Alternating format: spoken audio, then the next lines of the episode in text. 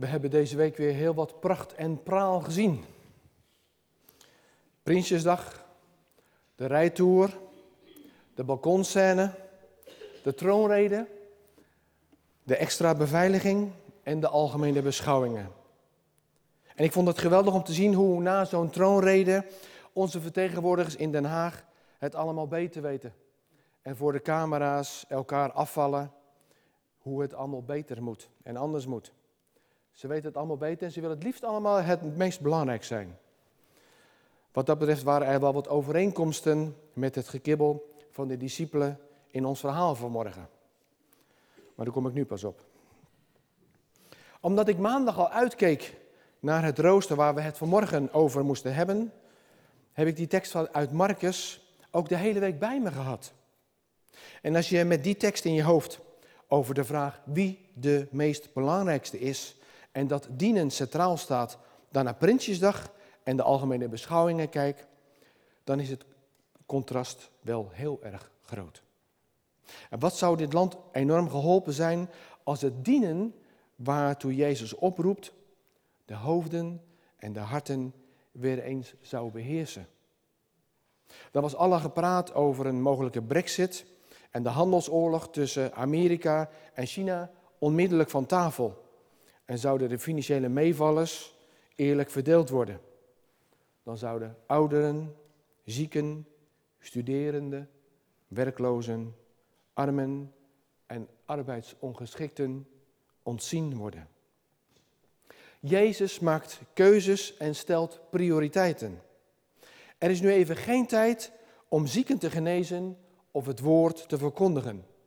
Integendeel, hij moet onderricht geven aan zijn leerlingen. Dat dat nodig is, blijkt al duidelijk uit dit gedeelte, want de discipelen snappen niet wat Jezus zegt als hij zegt dat hij zal lijden en ze lopen maar te kibbelen over de vraag wie van hen de belangrijkste is. Maar ik dacht, je kan het de discipelen eigenlijk niet kwalijk nemen. Dat ze met elkaar in gesprek zijn wie van hen het meest belangrijkste is. Die eerste leerlingen van Jezus kregen de meest verschrikkelijke en foute voorbeelden te zien. De geestelijke leiders van Israël stelden zich op allerlei manieren boven die ander. Wat ze zeiden en hoe ze zich kleden. En hun goede daden moest door een ieder gezien worden. Ik heb even een voorbeeld opgezocht. Als zij naar de tempel gingen om hun geld te doneren, dan blies iemand op de trompet om iedereen maar attent te maken dat zij geld gingen brengen. We moeten ons goed realiseren dat de kerk in die tijd nog niet bestond. De religieuze leiders van die tijd gaven niet bepaald het goede voorbeeld over nederigheid en klaarstaan voor je naaste. En die twaalf gewone mannen, ik blijf het fantastisch vinden, die twaalf gewone mannen waren door Jezus zelf uitgekozen. En met dat in hun achterhoofd was het wel moeilijk om nederig te zijn. Ik bedoel, een beetje trots waren zij wel dat zij bij Jezus hoorden. Maar ze hadden een lesje in nederigheid nodig. En iedere keer als Jezus sprak over zijn aanstaande lijden en sterven, wilden zij daar niets van horen. Dus hier begint de les over nederigheid. En het begint waar het moet beginnen met de aankondiging over het lijden en sterven van de mensenzoon. Jezus zelf begint over zijn lijden en sterven en vervolgt daarna met zijn les over principes en voorschriften. Het is moeilijk, maar ik heb me deze week eens voorgesteld hoe dat voor die mannen moet zijn geweest. Geroepen door Jezus om alles achter je te laten. En dan volgt de erkenning dat hij de Messias is. En dan zegt Jezus dat hij zal sterven en weer zal opstaan. Ze snappen het eenvoudig niet. In de afgelopen maanden hadden ze de voorbeelden gezien dat Jezus mensen uit de dood kon doen opwekken. Ze hadden het met eigen ogen gezien. Ja, hij, Jezus, had de macht om doden op te wekken. Maar als hij dood zou zijn, wie zou Jezus dan doen laten opstaan? Vraagteken. Jezus had hen toch gezegd dat wat er ook zou gebeuren, hij zijn kerk zou bouwen. En dat begrepen ze wel zolang hij bij hen was. Maar wie zou hem opwekken uit de dood? En we lezen in vers 32 dat ze zijn uitspraken niet begrepen. Ze stelden geen vragen meer. En meer informatie wilden ze eigenlijk ook helemaal niet hebben.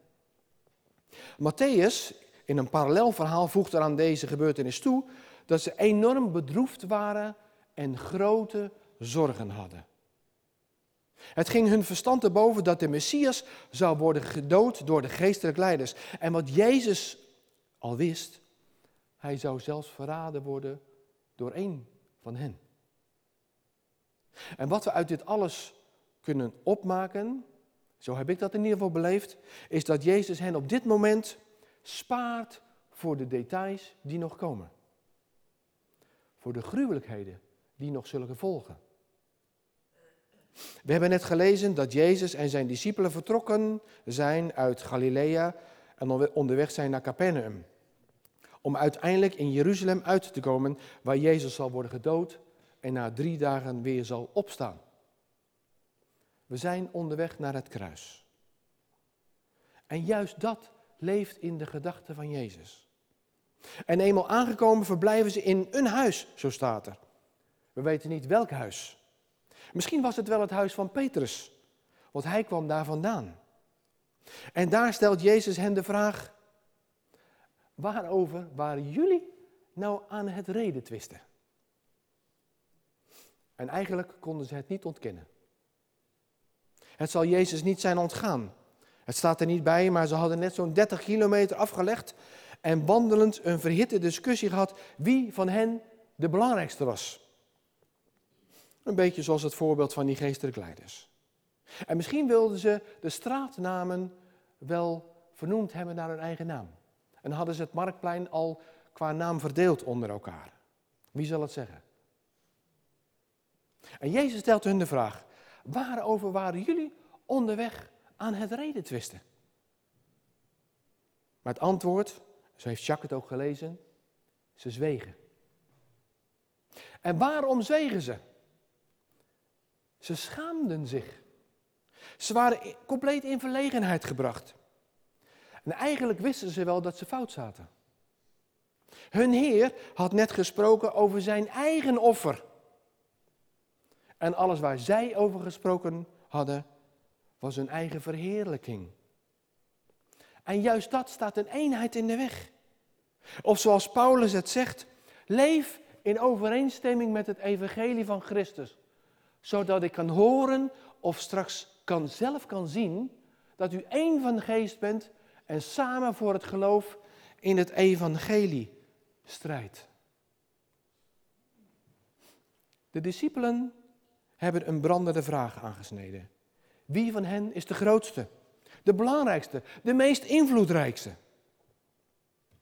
Zoals de belangrijkste vraag deze week voor modebladen en andere was: wie op Prinsjesdag de mooiste of opvallendste hoed heeft gedragen.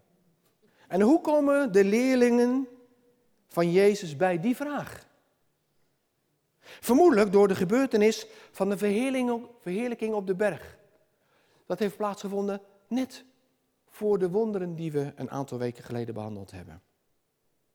Want inmiddels daar, daar waren drie discipelen van hem gebleven: Jacobus, Petrus en Johannes terwijl de andere discipelen de berg moesten verlaten.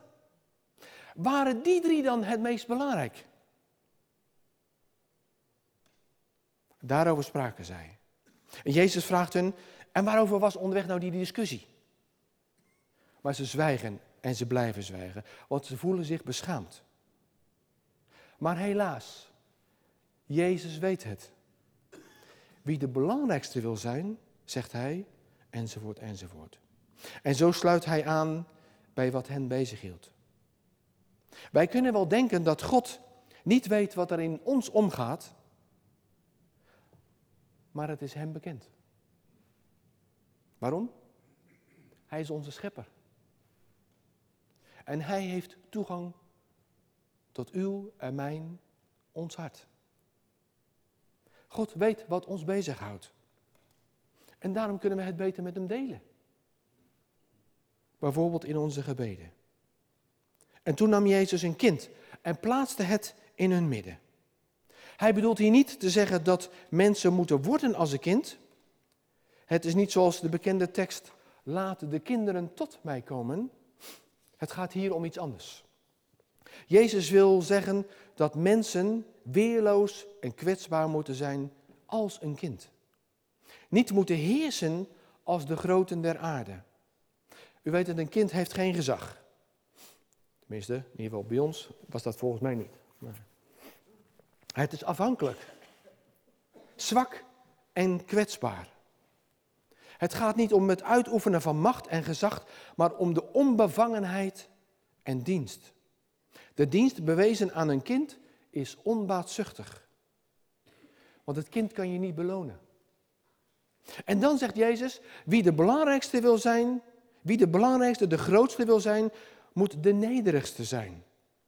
Hij of zij moet dienen.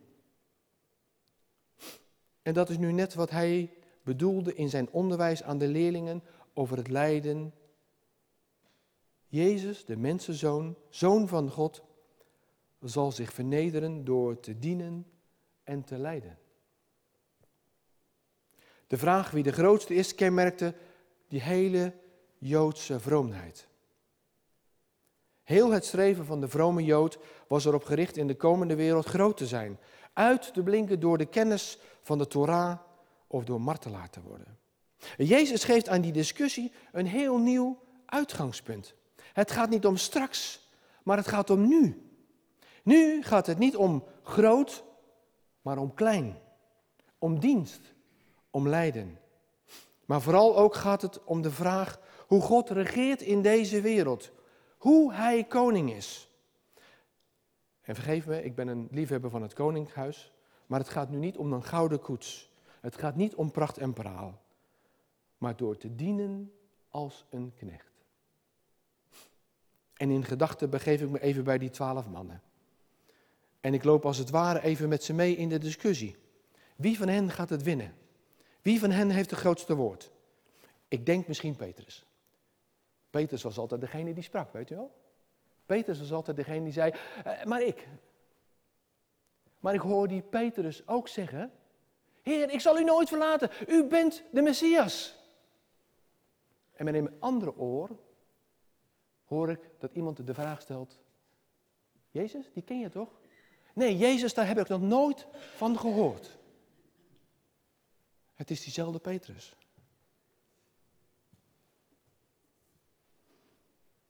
De evangelist Marcus, de schrijver van dit goede nieuws, waar we net uit gelezen hebben, ziet het als het ware een direct verband tussen het belangrijker dan anderen willen zijn en het sterven van Jezus. Maar gelukkig ook een verband met zijn opstaan. Want dat sterven van Jezus is het gevolg van mensen die te belangrijk willen zijn. Belangrijker dan anderen en de kleinen uit het oog verliezen. En de opstanding is het teken dat God die verblinde mensen niet laat vallen. Maar ze keer op keer een kans geeft. Maar dat is wel een leerproces. Waarbij een mens moet worden bevrijd van een stukje ego. En bij sommige mensen een stuk ego.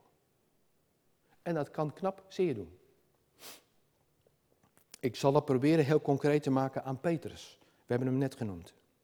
Johannes vertelt in zijn evangelie hoe er na de opstanding bij het meer van Galilea een gesprek tussen Jezus en Simon Petrus plaatsvindt. Een paar maanden geleden heb ik daarover gesproken. En Kobi heeft mijn preek niet gelezen, maar het gaat precies over die vraag. Heb je mij lief?